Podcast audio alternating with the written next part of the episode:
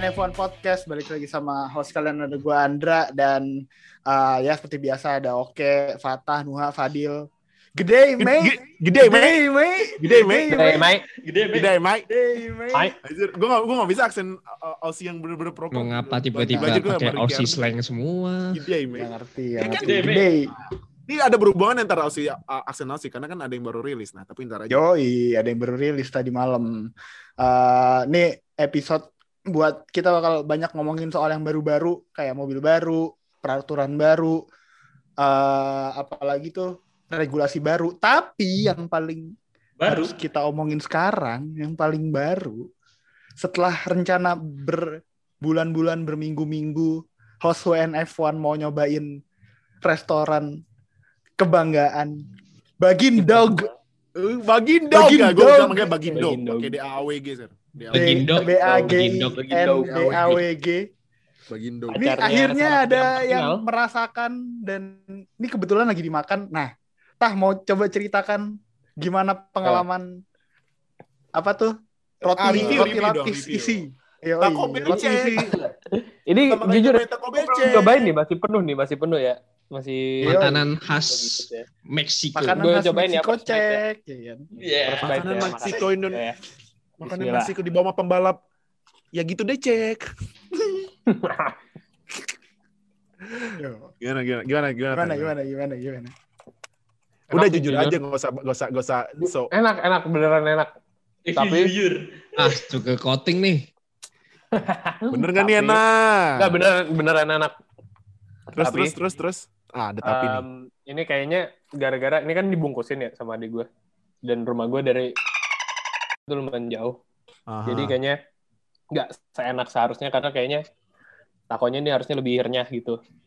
Mhm. terus, Em, kata adik gue ini adik gue belinya paket. Jadi kayaknya dapat kentang, taco dua, eh, roti lapis isi. sorry Hmm. sorry, roti lapis isi. eh dapat dua sama minum. Itu minumnya tadi gue lihat nggak gede-gede amat kayak uh, Um, medium small gitulah kalau di kalau di fast food fast food lain. Hmm.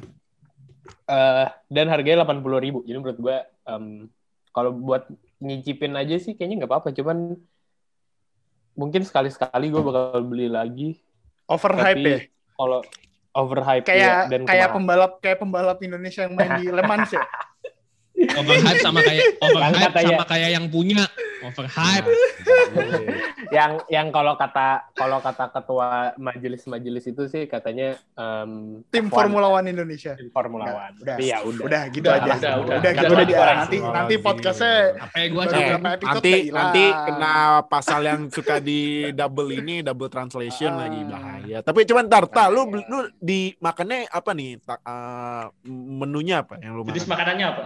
Oh iya, Ini menunya gue lupa. Kan ada Bentar ya. taco, ada taco, ada quesadilla, ada bla bla bla, ada Oh, ada iya. burrito burrito, ya kan. apa namanya? Ada Ini nachos. taco supreme isinya daging sama ada selada, keju, ada cream cheese juga. Terus Ah, dapat bilangnya sih saus pedes ya, tapi gue cobain sih lebih ke asam daripada ya. pedes.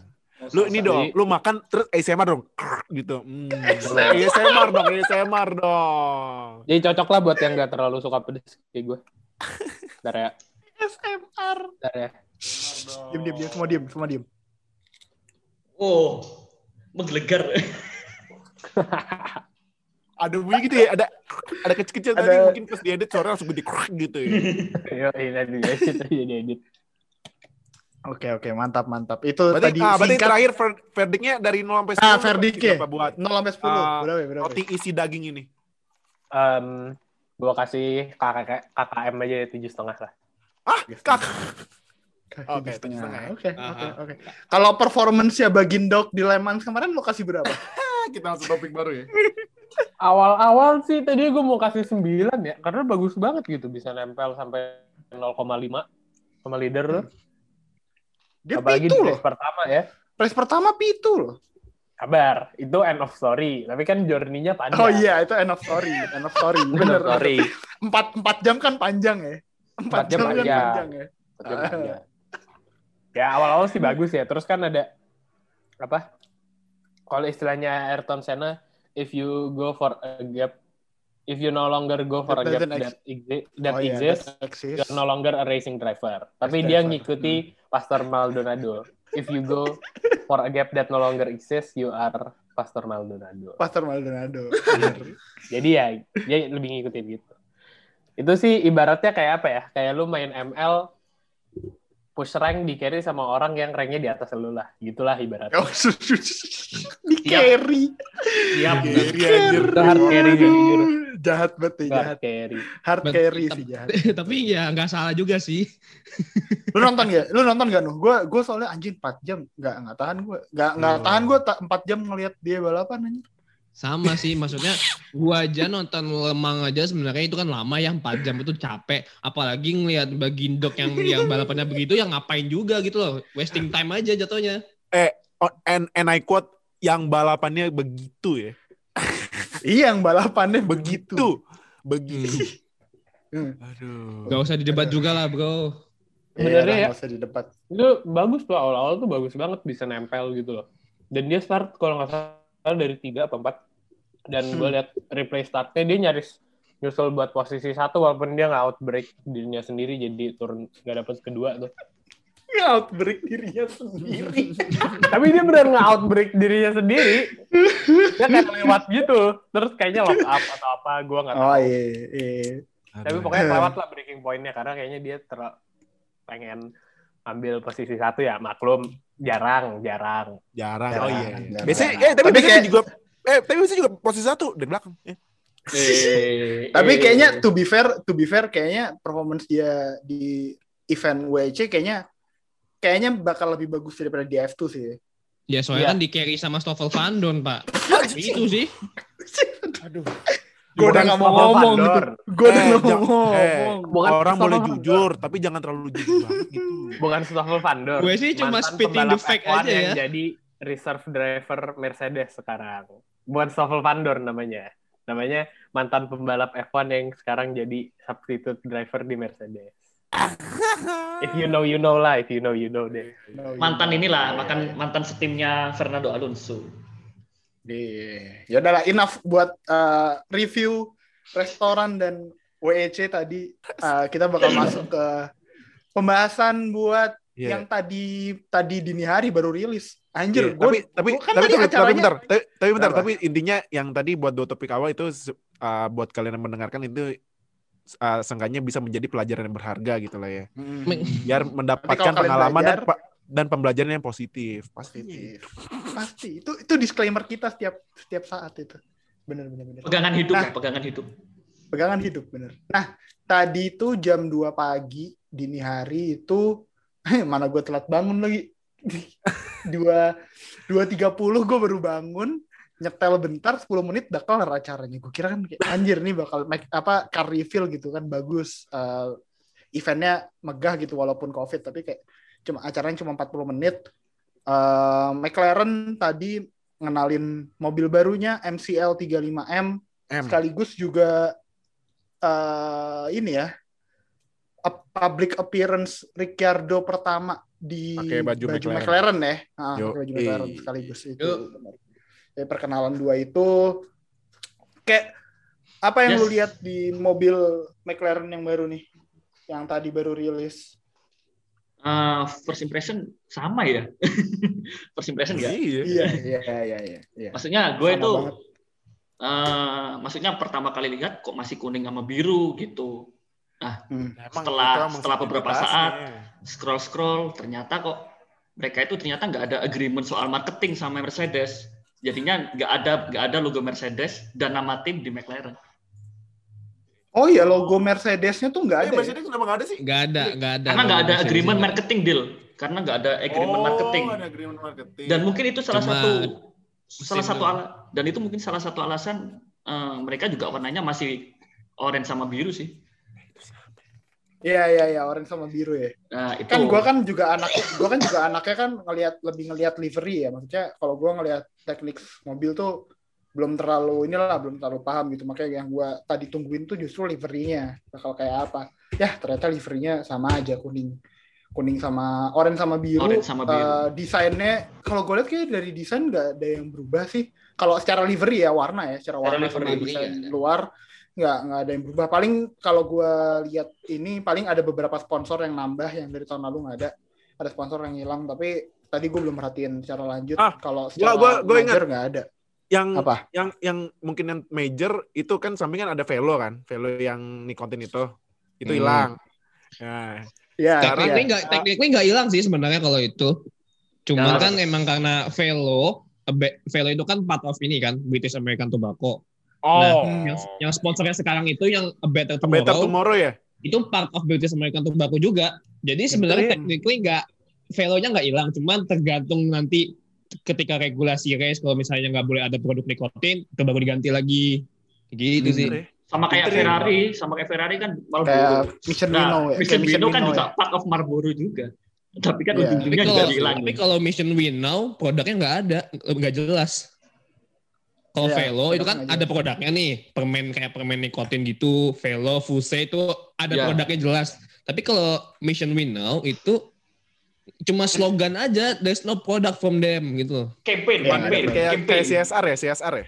Kayak CSR, bener. CSR. Dia ya. kayak CSR gitu. Nah. Yes. Itu sih Deal, ya, kalau paling- paling dari yang agak gedean kalau dari karena- mobil tadi apa Deal? Kalau dari mobil yang Oh. berubah secara mobil apa? tadi? Tadi gua melihat dan ya kredit ke ini ya ke F1 speed. NF eh kok NF WTF NF. maaf maaf maaf.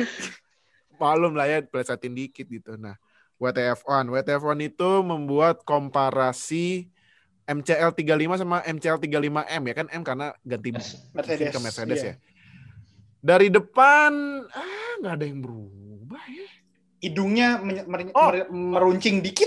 meruncing Hidungnya ah, iya iya meruncing ya agak agak hidungnya agak maju dikit jadi ya sayap depan ber- berarti panjang mobil maju beberapa milimeter ya terus Iya, eh, kayaknya sayap- akomodir akomodir mesin Mercedesnya deh itu. Iya benar benar benar. Terus eh, di eh, ininya sama aja. Oh ini yang gua baru nyadar nih, yang eh, perubahannya lumayan signifikan. Sebenarnya sih nggak kalau lihat dari mata ya nggak nggak kelihatan banget. Cuman kalau misalnya dilihat lebih detail lumayan signifikan ya. Bagian floor samping karena mengikuti regulasi. eh, ini regulasi terbaru yang harus eh, nggak nggak boleh lurus harus eh, Bikin segitiga. Diagonal, dibikin Iya, dias- bikin diagonal. segitiga gitu. Nah ini gua dengar kata mantan ini ya mantan mantan teknikalnya ini teknikalnya Ferrari itu yang sekarang di Mercedes yang makin bahagia ya si James Hmm. Allison. Alison, Alison. Katanya walaupun dipotong cuma berapa senti tapi pengaruhnya bisa satu detik karena Yes. wind flow-nya ini yang ngaruhnya gede. Jadi Hmm. Itu Soalnya- sih yang Soalnya itu nurunin ini, nurunin downforce, jadinya angin Ah, yang iya, semulanya, iya, yang semulanya. Oh nabrak. sama ini. Kalau Yang- gua mungkin mungkin ini nggak nggak nggak kelihatan ka- kasat mata. Cuman kalau misalnya lu lihat dikit kayaknya nih ban belakangnya agak mundur dikit banget. Dikit, Dikit banget. doang sih. Dik- dikit banget. Cuman ya ya kalau di F1 dan apa pun kalau yang berhubungan sama speed sedikit aja efeknya bisa berapa detik Ngaruh, Pak. Deal, Ya. nambahin, nambahin kenapa ada per, ada apa namanya? Ada perubahan posisi ban itu soalnya eh, itu ada pengaturan ulang dari ininya dari apa sih suspensionnya, suspension triangle itu. Nah, Ah. di situ- Hmm. nah, jadinya kita eh, jadinya harus di adjust lagi untuk posisi. Sebenarnya nggak bukan ban depan ada ban ban belakang aja, ban depan juga ada perubahan.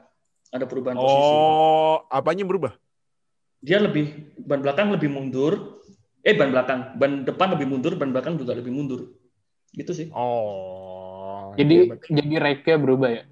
ya dia Bukan, sorry. ini jadi ya, mobil. jadi suspensinya itu lebih kan suspensi suspensi mobil F1 yang depan itu kan lurus harusnya lurus ke samping nah itu dia sedikit agak bengkok jadi bentuk segitiga gitu Oh, oke oke oke.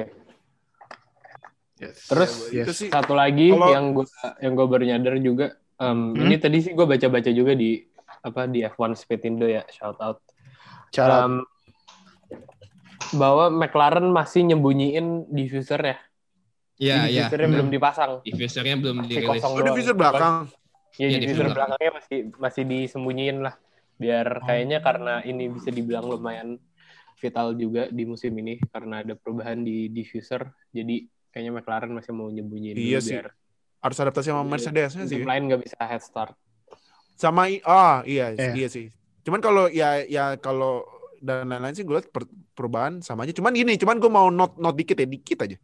Data gue baca berita ini McLaren Group itu mendapatkan investasi terbaru namanya dari grup Iya, investasi. baru dapat Iya, investasi. baru, baru dapat, ha, baru dapat. tuh. Nah, semoga aja deh, semoga Norris atau Ricciardo nyentuh pitu deh, udah. Lu jangan pitu. itu kan dapat apa namanya? Dap- Dapat investnya kan sebelum ini, sebelum race di Abu Dhabi, sebelum last last race itu. Iya. Iya. Nah, itu kan pasti Kelas investasinya dipakai buat 2021 kan dan Iya. dan mungkin Hmm. buat development engine ya mungkin kalau duitnya masih ada ya buat 2025 itu. Nah, moga-moga deh musim ini McLaren gitu gue gue gue sekarang dukung McLaren sih karena pembalapnya dua-duanya ngelawak sih. Iya. Ngelawak dua-duanya. Konten itu udah konten. tapi tapi kayaknya si siapa Ricardo sama Norris tuh kayak apa ya kayak dua orang yang ngelawak mulu jadi kayak bingung gitu loh siapa yang mau jadi sen, apa class clown utama gitu loh jadi mungkin environmentnya seru tapi bakal kayak rebutan spotlight mungkin ya Iya sih, iya. Mungkin gitu mungkin. Kemarin si Ricciardo bilang sih, apa? Gue datang ke sini bukan mau jadi apa? meme Meme. Gue Meme maunya menang gitu. Heeh. gue mau Nah, tapi dan- Nuh, eh, kan kalau ngelihat sejarahnya McLaren pas baru ganti mesin, gitu kan, eh, nggak suka, nggak terlalu berjalan lancar gitu dari Mercedes ke Honda. eh ya gitulah kita tahu lah Honda pas itu mesinnya kayak gimana. Ambah Pas banget. Mac- dari Honda ke Renault juga Hmm. ya nggak langsung bagus gitu kan, baru Ya. Mm-mm. musim keduanya dia bisa Pelan. oke gitu. Eh, menurut lu buat musim 2021 pas baru ganti kan pergantian mesin juga nih, lo McLaren lu bisa lihat dia ada di mana deh. Walaupun Mercedes nih salah satu mesin terbaik ya buat di eh, grid tahun depan. Kalau gue sih lebih kayak mereka mungkin bakal tetap stay di midfield ya, di midfield tetap bakal stay di midfield karena memang masih butuh ya adaptasi lah dengan mesin Mercedes. Walaupun ya ada yang apa kan di, banyak berita juga bilang kalau misalnya tokennya musim 2021 kan udah udah dipakai buat apa ngeganti mesin dari Renault ke Mercedes dan juga kan blok bloknya bloknya mesin itu kan beda nah ini juga ada sedikit perbedaan juga di bagian samping di bagian apa namanya? Bahwa cover cover mesin itu kan kalau yang mesin sekarang yang mesin Mercedes itu lebih lebih masuk. Karena kan kata kata- katanya turbinnya itu ada di sisi belakang mesin jadinya tuh enggak jadinya ada perbeda ada perbedaan mesin dari Mercedes ke Renault gitu.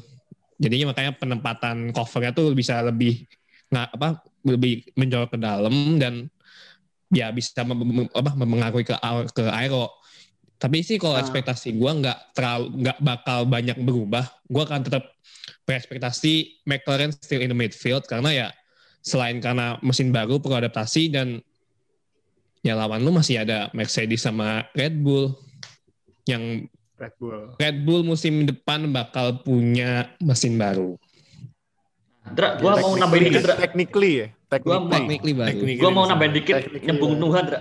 Hmm. Eh, menarik. Iya kan, eh, yang se- udah sempat disinggung ya, eh, itu cover mesinnya tipis banget. Apa maksudnya? Ya slim.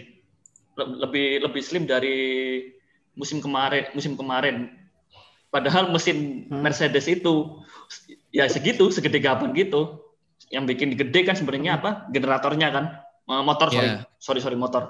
Nah, yang bikin gua penasaran, apakah itu akan terjadi ke semua tim apa enggak? Itu sih yang gua masih penasaran itu. Apakah nanti semua tim akan melaku, eh, memakai desain slimming slimming apa? Slimming cover engine Cover. engine cover, engine cover. Itu. Nah, itu semua tim atau menurut lu tim dari customer Mercedes doang? Gua nggak ngerti nih, makanya gua penasaran banget ini. Ini Hmm, eh, oke. soalnya kan inget dulu tahun ber- berapa? 2017 kali ya. eh, musim-musimnya Sharkfin. Semua tim kan pakai Sharkfin semua itu. Iya, Shark Fin, benar. Nah, kayak gitu. Dan akhir- sampai akhirnya di di band. Iya, gua- pakai Gua kayak gua kayak langsung keinget itu loh. Wah, ini bakal dipakai semua tim apa enggak ya? Soalnya itu kan eh, sasisnya kan sasis Renault ya. Mereka itu nggak ada perubahan Hmm. loh dari sasis ya Renault. sasisnya Oh iya iya, sasisnya nggak berubah itu. Nggak ada perubahan berubah, sama berubah, sekali dan lu. Dan lu ngeplekin Hmm. lu- tuh mesin Mercedes ya tapi Bukannya- ya menurut seingat gue eh nggak iya sasisnya Seingat- nggak berubah tapi seingat gue mereka ngabisin semua token mereka cuman buat bikin integrasi antara Mercedes mesin Mercedes sama Ya. chassis-nya yang baru lebih Iya, lancar. karena Ya, tak, maksudnya maksudnya eh, sasis sasis dalam dalam mayor, maksudnya dalam skala besarnya itu Hmm, perubahannya iya, iya. tuh hitungannya minor. Eh, gampangannya ya yang dibenerin cuma dudukannya lah, dudukan mesin-mesin itu. Mesin itu duduknya Ya, di mana? mesin. Soalnya kan itu hubungannya sama center of gravity juga kan, Iya. Ya, center of gravity-nya juga. Nah, jadinya ya itu sih yang bikin gua penasaran apakah semua tim bakalan pakai desain yang seperti itu apa enggak. Itu cukup seru buat dilihat. oke. Ya, ya betul betul betul. Kalau menurut gue kayaknya Ah, enggak sih. Kalau menurut gue. Kenapa ya? Karena Kenapa, yang technically yang yang musim ini yang berubah produsen mesin kan cuma McLaren doang ya. Cuma McLaren. Mercedes. Iya, Cuma cuma McLaren. McLaren Jadi ya gua rasa sih kalau yang dibilang oke yang perubahan apa yang itu gua rasa cuma McLaren doang yang yang semua tim yang memakai mesin Mercedes yang customer yang kayak Aston Martin atau Williams mereka udah mereka udah settle dengan sasis mereka yang benar-benar berubah kan sasis gak berubah makanya kan kode mobilnya sekarang kan MCL 35M M-nya tuh represent Mercedes Yep. Me- represent Mercedes bukan MCL 36 kan makanya MCL 35M itu sih nanti baru tahun depan paling MCL 36. Nah, itu. Oke, yes. Uh, Oke, kita move sebentar ke uh, yang lain nih ada.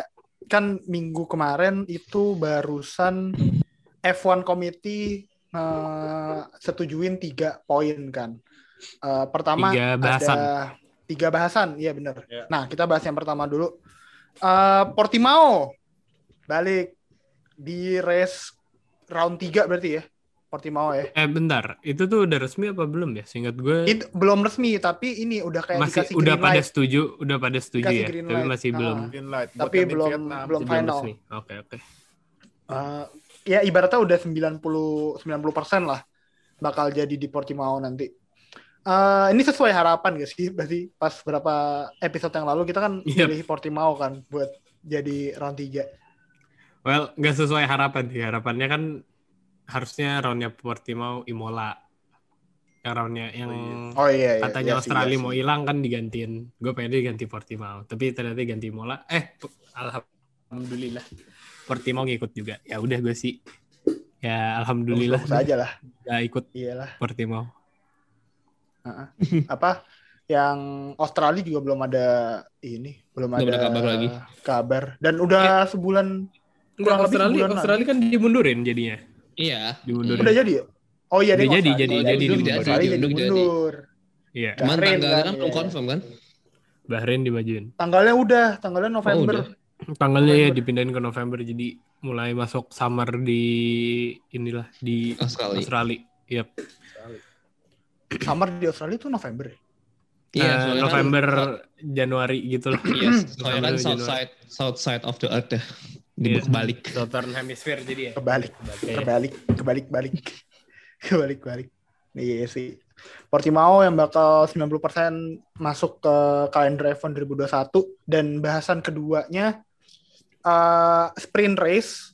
Nah, tapi bah- bahasan sprint race bakal kita bahas buat lain waktu eh, karena eh, bahasan ketiga yang pengen kita fokusin buat malam ini yang Hmm. sekaligus tadi menyambung tema ada yang baru-baru eh, engine freeze di tahun 2022 sampai 2024 nanti 2025 baru bisa uh, ngedevelop engine baru. eh siapa nih ya yang belum gue tanya? Dil, Yuk. gimana engine freeze buat efeknya buat semua tim dulu deh secara general. Secara general buat F1 Sport sendiri bakal kayak apa nih? Kalau menurut gua mungkin disadvantage disadvantage-nya itu ke tim yang udah well established ya. Kayak Hmm. contohnya Mercedes. Mercedes. Karena Mercedes eh, mereka udah develop butuh waktu buat develop tapi tiba-tiba di freeze gitu sama tiga tahun. Nah, jadi kan Hmm. mau fokus ke 2025 kan pasti rulesnya pak apa mungkin regulasinya baru keluar di 2023 ya dijarakin dua tahun ya Ya, mungkin ya, ya. paling gitu. Iya, mungkin. paling Nah, gitu. Biasanya sih gitu ya. Iya biasanya dua tahun nah jadi eh bakal disadvantage ke Mercedes. Ma- Malah menurut gue nih ya, engine freeze ini menurut gue sengaja sengaja kasih keuntungan buat Red Bull karena kan Red Bull baru aja bel- udah komplit ya take over Yes. fasilitasnya Yep. Honda. Honda. Nah, mereka dapat Honda nih, Honda. Berarti kan mesinnya 2021 ini ya karena terakhir karena terakhir yang bisa di-upgrade tapi kan berarti mereka bisa kotak oprek-oprek nih sama Honda kan sama Honda. Hmm. 2022 kan. Nah, ini mungkin 2021 bakal Honda udah ngasih semuanya nih, abisin semuanya. Nah, 2022 kalau misalnya nih ternyata Red Bull musim ini kompetitif banget sama Mercedes, ah lihat aja nih 2022 sampai 2022 sampai 2024 nih Mercedes ah Red Bull sama Alfa Tauri nih. Bisa jadi bagus. Bisa ketat ya. Iya, Bisa bisa ketat loh.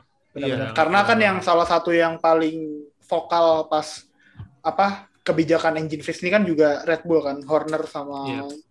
Apa Red Bull sama Alfa Tauri yang paling vokal soal kebijakan. Karena ini. nah, karena ya mer- mereka kekunci soalnya. Jadi iya, mau ke Mercedes mereka number one challengernya mau ke Ferrari kualitasnya nggak terjamin nggak terjamin ke Renault mau ke ludah sendiri. Renault, ke Renault udah selek. udah sih ya jual Ya ludah kali ke balikan sama mantan. sih, jelat ludah sendiri ya kali balikan sama mantan benar benar benar. Tapi tah kalau Hmm. buat pendengar yang baru tahu nih soal engine freeze. Sebenarnya engine freeze nih apaan sih dan kayak apa sih efeknya buat tim-tim di ya uh, di grid nanti tahun dari Iya. tahun 2022 sampai 2024. ya hmm, jadi mobil F1 itu tiap tahun tuh pasti ganti dengan skala besar dari 2018 ke 2019 misalnya itu aja ganti gue waktu itu ada baca satu artikel dari eh, sumbernya gue lupa dari publikasi apa tapi pokoknya di yang di interview membernya Renault. Kalau nggak salah Ricciardo deh. Gue lupa itu Ricciardo atau mungkin tim member Renault. Ta- Hmm. tapi semua bagian mesin mobil F1 tuh diganti.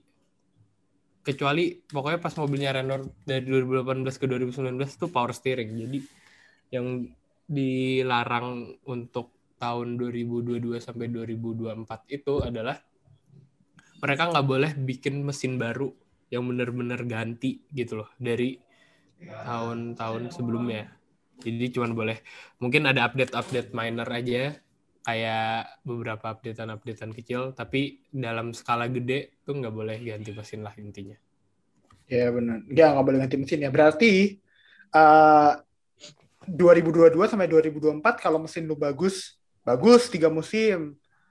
Nah, gue langsung nanya oke aja nih gue tembak. Kalau Ferrari bikin mesin tiga musim jelek, Ya. berarti eh enggak enggak bukan gitu bukan tiga musim. Kalau di 2022 Ferrari masih belum bisa nemuin masalah di mesinnya dia, berarti tiga musim ampas mulu dong sampai 2024. ya iya nggak sih tergantung nggak sih tergantung tim lain juga maksudnya Kenapa kan- tergantung tim lain kan Ferrari doang. Ya, enggak dong. Kan kan yang di freeze kan engine-nya doang. Sedangkan yang lainnya kan enggak freeze. Ya, Ya. masa sih ya masa sih tim eh, udah tahu mesinnya buluk itu nggak mau improve yang lain yang masih bisa dikulik gitu loh. Gua sih masih berpikir rasional seperti itu sih. Ya mungkin di antara musim 2002 mulai 2022 eh, 2003 20, ya, mulai dari 2022 sampai 24 itu masa sih nggak ada satu musim yang ya at least Ferrari komplit lah gitu loh. Kalau nggak ada beneran gimana kayak? Ya udah. Bener sih. Ferrari Ferrari Ferrari pasti bakal adjust sih apa bakal Iya sih. walaupun nih gue yakin buat fans Ferrari ya buat sesama fans Ferrari 2022 pasti Ferrari bapuk seriusan Soalnya soalnya sih Oke, oke. Gue malah gue malah beberapa orang kan malah optimis kan Ferrari 2022 bisa balik lagi gitu kan. Nih, tapi nih dari dari dari 2009 tiap ada perubahan tiap ada perubahan regulasi yang gede, yang gede maupun yang kecil ya 2000 art- artinya 2009, 2012 eh 2013 kan ada yang dikit, 2014, 2017, 2019 itu semuanya Ferrari jelek kecuali 2017 tuh lumayan bagus tuh. sama Terus 18. selain itu tuh sama jelek 18. semua. Sama 18. 18. tuh- 18 tapi kan nambah Halo doang gitu loh. Maksud Ya, maksud- Ya. bukan ada yang gede banget gitu yang gantinya cuma nambah Halo. Iya. 18 Kalau itu 19 kan Ya, 19 kan ada curang. beberapa elemen yang 19 kan dihilangin. curang. kurang. Tapi Dra, gini Dra, gue sih gue sih memposisikan orang yang berpikiran normal. Lo tahu nggak sih tim yang bener-bener bapuk itu maksudnya rata-rata di F1 tim bapuk kan nggak punya duit, sponsornya kok nggak gede, duit lah masalahnya. Lah kan, nah, lah kan yang anehnya kan Ferrari kan satu-satunya tim yang duit nggak yang nggak ada masalah dengan keuangan, tapi nggak jago gitu loh. Ya, Ya, at least kalau orang benar. normal, kalau orang normal Benar, pengen benar, timnya benar. kalah, nggak ada kendala uang keuangan, ya pasti mereka bakal lakukan cara lah, ada lah, itu kontrak. Ya masa Ya. satu satu satu satu musim pun bapuk terus lah. Itu sih, itu kalau orang normal ya. Hmm. Tapi kalau buat tim-tim kayak Mercedes gitu, eh, mereka nggak khawatir ya kayak tim-tim di bawahnya bakal nge- bakal bisa kompetitif gitu sama mereka ha. selama tiga tahun kan kalau kan udah tahu nih mesin bakal sama ya udah eh, upgrade di yang lain mana yang dan mereka bisa lebih fokus gitu Hmm. Ya maksudnya banyak faktor bener kata si Fata tadi. Bisa aja power steering, power steering, suspensi. Chassis boleh nggak course. sih? Chassis boleh nggak sih? boleh boleh Chassis Oh, boleh. apalagi- boleh boleh boleh Apalagi ja- chassis, apalagi chassis. Engine Kalau- boleh nggak boleh? Engine nggak boleh. Engine Nah, boleh. engine pokoknya nggak boleh Nah, kan bisa dikulik dibalik gitu loh. Dulu eh, mesin yang nyesuaiin chassis. Kenapa sekarang nggak dibalik chassis yang nyesuaiin mesin? Kan bisa aja. Hmm. Kalau gue yakin Ini- itu udah dibikinin sama James Ellison. Gue ya, tim tim tim Mercedes itu tuh pasti nggak apa nggak setuju sebenarnya. Iya, Mercedes nggak setuju. Tapi, Kan yang? Coba kita lihat ya. Eh, yang utama kan Honda nih, yang utama Honda. Apa eh sorry tim Red Bull kan yang Yes. mau ini, yang mau apa? Yang mau ada engine freeze. Berarti udah dua. Hmm. Tim Ferrari tiga. Karena Ferrari pasti ngikut dong. Orang Iyalah. mau orang ada untungnya, kenapa enggak? iya Gitu loh. iya iya iya Sama Renault. untung banget sih buat mereka majority. Gue nggak ngerti, eh gue kurang tahu sebenarnya kalau di F1 board atau F1 commission itu votingnya sistemnya kayak gimana atau apakah misalnya dari FIA atau pihak netral ada punya hak veto atau dari eh mungkin ada yang powernya lebih kuat vote-nya. Tapi itu aja kan udah mayoritas 6 dari 10 gitu loh. Jadi menurut gue ya wajar-wajar aja sih kalau ternyata engine freeze kayaknya engine freeze tuh unanimous so Unanimous Oh, ya, unanimous. tapi kan tetap aja di, di influence gitu loh pasti. di influence biasa pasti pas di Biasa. uh, behind the behind the camera Hmm, kalau hmm. nggak mau hmm, Nih, nih, nih. Apa Pukul, tako pukul. tako tako nih tako Gua- tako gua- gua tako sentil. tako Tako, tako. Eh, eh, tak siapa tahu, Endra, siapa tahu kalau nggak mau eh, akan yang ada yang hilang kayak mungkin Aramco udah nggak ada tulisannya atau Fanatec nggak ada tulisannya kan bisa jadi. iya pasti Dan ada mungkin ya itu untuk ya bener kayak yang lu bilang kayak mungkin untuk men-increase kompetisi jadinya eh, engine freeze dibekuin karena nanti siapa tahu karena kompetisinya nurun viewersnya turun mungkin yang masih nempel ya fans-fans F1 yang eh, akut gitu loh yang casual fans makin dikit Kayak kita kita ya. terus iya kayak cuman kayak kita kita terus nanti lama-lama sponsor-sponsor cabut duit makin dikit gitu jadi ya susah Nah, gue mau geser ke tim yang paling vokal soal uh, engine freeze nih.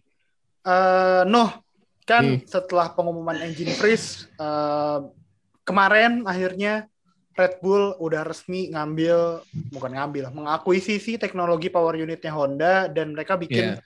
entitas baru yang namanya Red Bull Powertrain Limited. Yes. Efeknya ini buat uh, Red Bull ke depannya gimana nih? Apakah uh, lebih bagus kah? Terus kan ini kan mereka ibaratnya ngambil mesin Honda 2021 kan berarti kan buat masuk di 2022 kan. Nah ini bakal lebih oke nggak nih buat uh, ke depannya? Seharusnya dengan mereka mengambil teknologinya Honda kan benar-benar diakuisisi ya sama Red Bull dan diubah itu ya seharusnya mereka di musim ke 2002 nanti 2022 nanti ketika sudah resmi Honda resmi meninggalkan F1 seharusnya mereka tetap bisa kompetitif maksudnya dengan teknologi Honda mereka udah punya jadi mereka tinggal develop mesin tinggal Hmm. ya tinggal bikin mesin mereka sendiri sampai tahun 2025 it should be good enough sih kalau menurut gue cuman on the other side itu kayak Iya biasalah. Kayak mem- kayak membuat kayak membuat tim lain tuh kayak ini kok Red Bull sampai segitunya gitu sampai kayak muncul kayak stigma-stigma negatif buat Red Bull gitu jadinya. Jadi ya itu sih menurut gue ya biasa sih.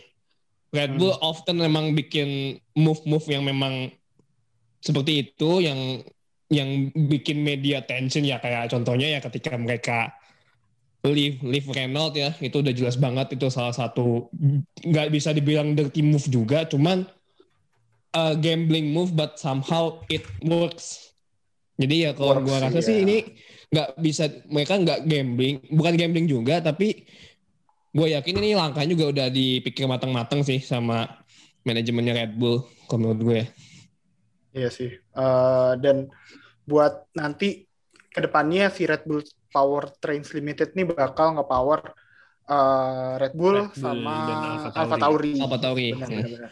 Nah, tapi kalau lu lihat ke depannya bakal ada customer lain gak sih dari dari Nah, mesin Honda, dari mesin itu Red juga. Bull ini? Iya, mungkin itu juga yang Gantung jadi- nanti gimana performa mereka ke tahun di musim depan ya. Kalau misalnya Ah. 2022 Red Bull dan Alpha Tauri sukses nih dengan mesin Red Bull mereka yang mereka buat sendiri. Bisa jadi nanti ada tim tim lain yang mau mencoba mesinnya.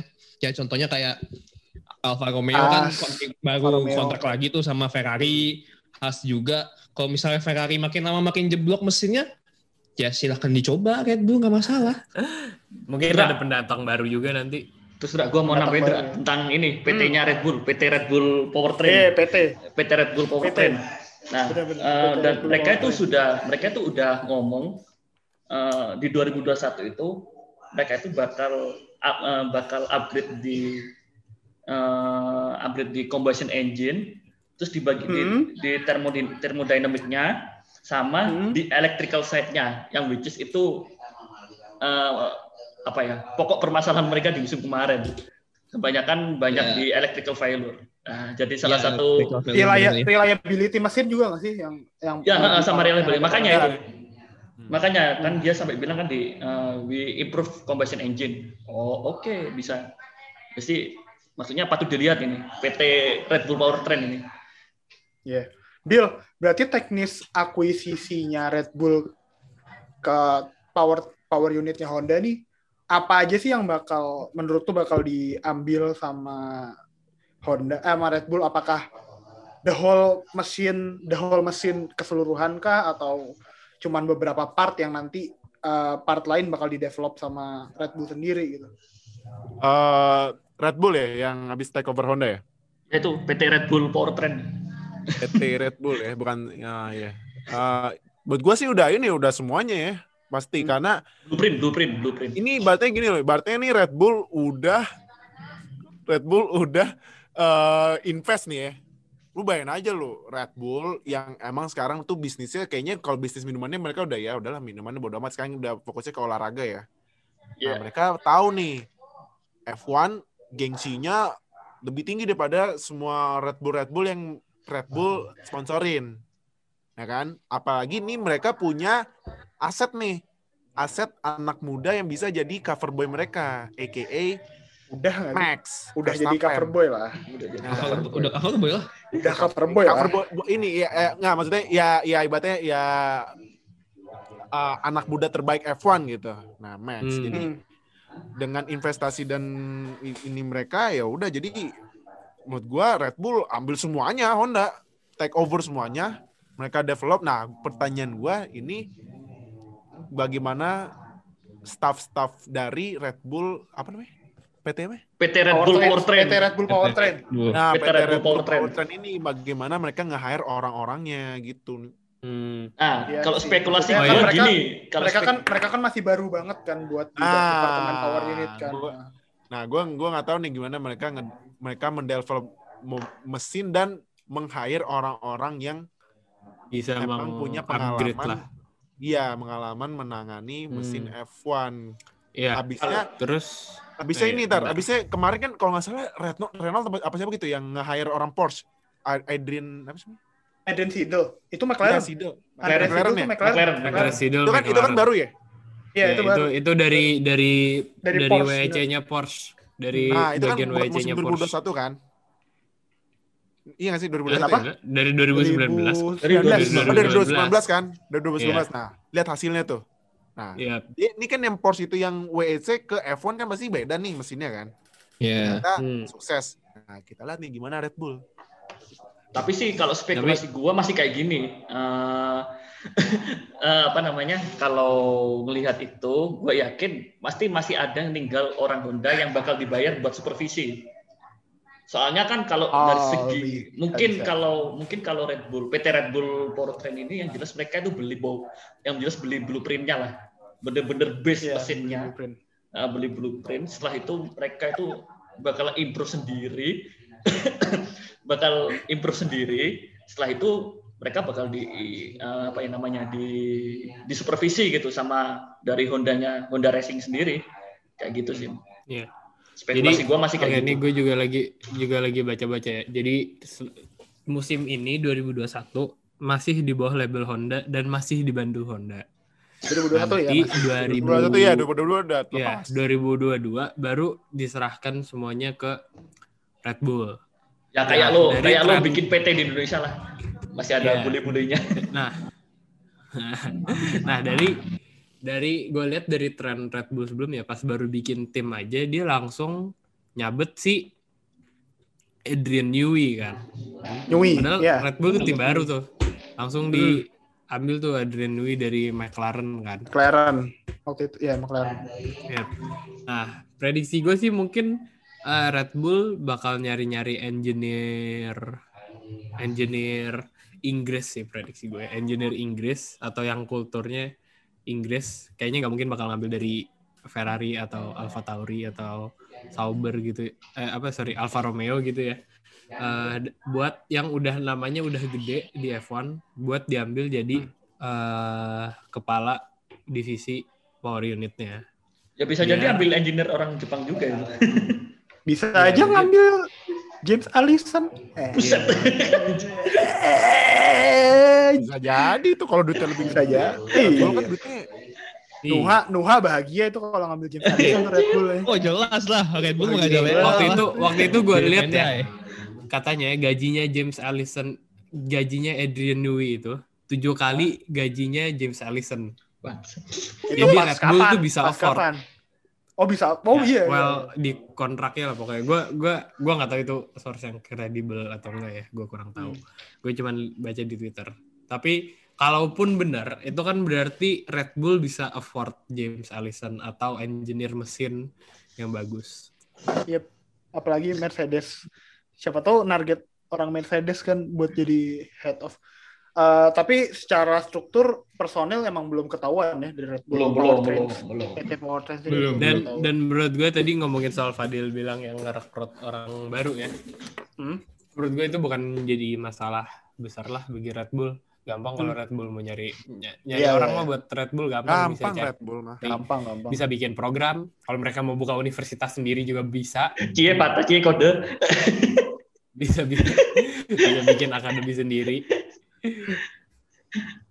akademi sih, buat karena- engineer ya Iya, engineer akademi ya bukan driver akademi ya Iya Engineer bisa Academy. bikin akademi bisa khusus teknik kan. Nanti bikin institut teknologi Red Bull misalnya. Buset. Institut Teknologi IT Red Bull ITR ITR ITR. Itu teknologi Austria. langsung Apa? langsung Austria. ikatan dinas ke PT Red Bull Powertrain ikatan dinas nanti Anjir, ikatan tiba-tiba nanti tiba-tiba lulusan Bawas institut banget, anjing. teknik Red Bull nggak jadi engineer di Red Bull malah jadi banker Iya. malah kerja di bank Enggak, udah gitu Red Bull buka bank la- buka, bikin bank sendiri. bikin Red bank Bull. sendiri nanti Red Bull Eh, tapi ah ini tiga tahun engine freeze berarti masih ada waktu tiga tahun buat Hmm. Red Bull Powertrains Limited ini ngedevelop mesin baru di 2025. dan ngedevelop sistem Waktunya juga. waktunya cukup nggak sih tiga tahun ini kira-kira? Eh, Menurut gue Ada ya. ada freeze tiga tahun? Menurut lu cukup kenapa dia? cukup cuman kita lihat dulu nih gimana eh, perubahan maksudnya perubahannya bakal Perubahan ininya ya. ya, kan ya. banget nih ya Hmm. cuman kapan diumuminnya ini makanya harus jaraknya dua tahun Oh bener. kalau jaraknya setahun ah udah ketar ketir tuh mah pusing Ah. itu itu nggak cuma Red Bull doang yang pusing itu semua pusing ini masih. selain Iya, itu cukup karena menurut gue dari segi selain upgrade yang kecil-kecil ya, menurut gue Red Bull pressure-nya di Red Bull Powertrains nggak segede itulah. Maksudnya ini tiga tahun bakal cuman fokus di eh, chassis sama aero. Ya. Jadi nggak bakal apa nggak bakal pusing-pusing banget lah ngurusin mesin gitu Mesin. kecuali dari update minor dan dari divisi reliability nanti mungkin itu yang bakal lebih apa pressure-nya yang lumayan gede ya. Yoi. Tapi tapi oke. tebakan tapi tebakan deh. Kira-kira 2025 itu tetap masih gunain bahan bakar atau malah lebih dikurang, malah lebih dikecilin lagi ntar mesinnya. Kan Pakai Red Bull sih dikunci. 2025? Oke Pakai Red Red Bull, Bull. Red Bull cukup buat mentenagai mesin. Bensin Red Bull. aja enak kok buat buat badan manusia aja enak apalagi buat Iya, mesin. Red Bull. Tenaga Red Bull itu nanti, bukan tenaga Red kuda. Ntar, ntar tenaga yang lain kuda, pada start, tenaga pada Bull. ini dia standing sendiri, gitu. Ya, Red Bull badak, Gypsy Wing. weng, itu kan kayak di logonya. eh tapi seriusan deh. Eh tapi seriusan deh. Kira-kira tebakan kalian gimana? Kalau Eh, kayaknya sih bensinnya kan sekarang 110 kilo ya. Bakal dikurangin lagi karena kan NGUK-nya mau digedein. nah berarti Jadi, kan mesinnya eh, dikecilin. Iya mesinnya. Iya, berarti bakal- mesinnya- berarti- Mesinnya dikecilin dong. Nggak Iya, mungkin lah lu. Ngurangin bensin tapi cc-nya masih segitu. Iya. Iya, paling Kayak gitu. bensinnya sih dikurangin, mesinnya juga dikecilin. Tapi ya kita lihat aja nanti. Iya. Dan salah satu focal point-nya kan katanya F1 pengen apa? Sama lingkungan.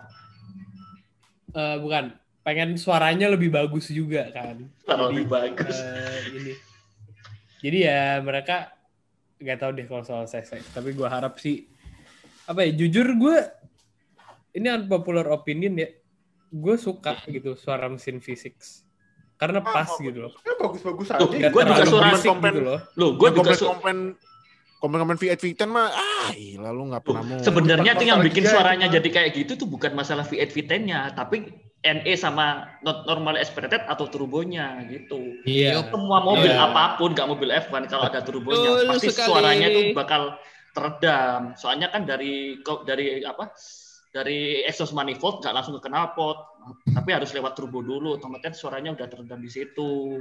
Betul. Jadi buat kalian yang membanding-bandingkan V6 dan V8, salah bandingan. Salah ya, salah ya. salah, salah. Harusnya yang dibandingin Kayak bukan apple apple. harusnya tur- turbo sama non turbo ya. Turbo sama Yes. NE atau NE, normally aspirated. Nah, itu Ketahuan Iya. gak pernah ngoprek mobil itu yang komen-komen itu tuh. Iya, ya tolong. Mes- meskipun Padahal kita padahal padahal gue juga nggak padahal gue juga nggak pernah sih ngoprek mobil. Meskipun kita di sini- aja. podcastnya setengah lawak tapi ada edukasi sedikit lah. Itu sih. Iya sih, benar benar benar benar benar. Oke, kayaknya eh, buat hari ini itu aja sih. Udah banyak nih kita ngobrolin soal engine freeze, soal eh, Red Bull sama McLaren yang baru dan next episode mungkin kita bakal ngobrolin soal sprint race nih yang eh, ya poin sama sih ini juga katanya ini juga kayaknya apa? poin ketiga yang dibahas F1 Commission Iya, kemarin kan ya. poin, ketiga yang dibahas F1 Commission kemarin. Ini juga katanya sih udah 9 eh, 80 persenan lah. Katanya bakal ada tiga ronde yang pakai sprint race tapi belum fix. Nah, Hmm. eh, kita bakal coba bahas plannya kayak apa, eh, efeknya gimana buat race weekend F1 di tahun 2021 gitu. Thank you guys eh, udah dengerin. Jangan lupa follow eh, sosial media kita di Twitter ada OneF1 underscore official di Instagram ada OneF1 official Eh, follow Spotify kita juga ONF1 podcast supaya selalu dapat update-update terbaru dari podcast ONF1 oke thank you Eh, oke Fadil Nuha Fatah.